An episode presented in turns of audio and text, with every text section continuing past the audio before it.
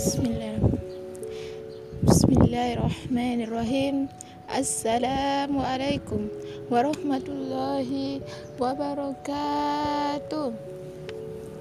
إن الحمد لله نحمده ونستعين ونستغفره ونعوذ بالله من شرور أنفسنا ومن سيئات أعمالنا ومن يهد الله فلا مضل له ومن يهدل فلا هادي له. Asyhadu an la ilaha illallah wahdahu la syarikalah. Rabbi srohli sadri wa yassir li amri wahlul 'uqdatam min lisani yafqahu qawli. Puji dan syukur tak henti-hentinya kita panjatkan atas segala nikmat yang telah diberikan oleh Allah Subhanahu wa taala kepada kita, baik nikmat keimanan, nikmat kesempatan, nikmat kesehatan yang kesemuanya masih kita gunakan sampai saat ini.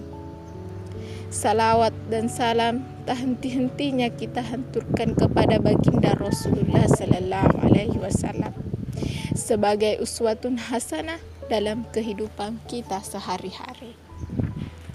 Adapun judul kultum yang sempat saya bawakan hari ini yakni pentingnya niat. Pentingnya niat. Allah berfirman, Qul inna salati wa nusuki wa mahyaya wa mamati lillahi rabbil alamin. Katakanlah, sesungguhnya salatku, ibadahku, hidupku dan matiku hanyalah untuk Allah, Rabb semesta alam. Quran Surah Al-An'am ayat 162 Kemudian, segala amalan tergantung niat.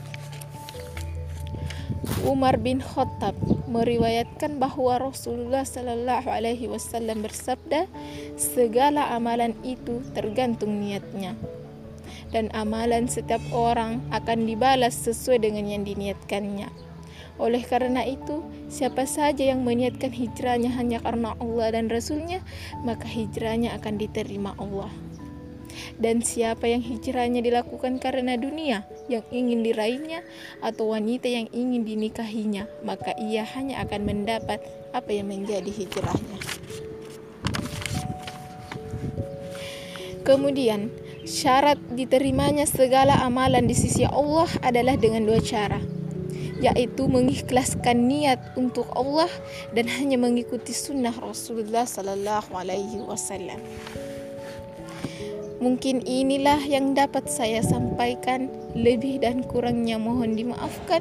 Apabila ada kekurangannya, itu datangnya dari saya pribadi, dan apabila ada kebenarannya, datangnya dari Allah Subhanahu wa Ta'ala.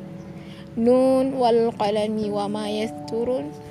Nun demi pena dan segala yang dituliskan. Wassalamualaikum warahmatullahi wabarakatuh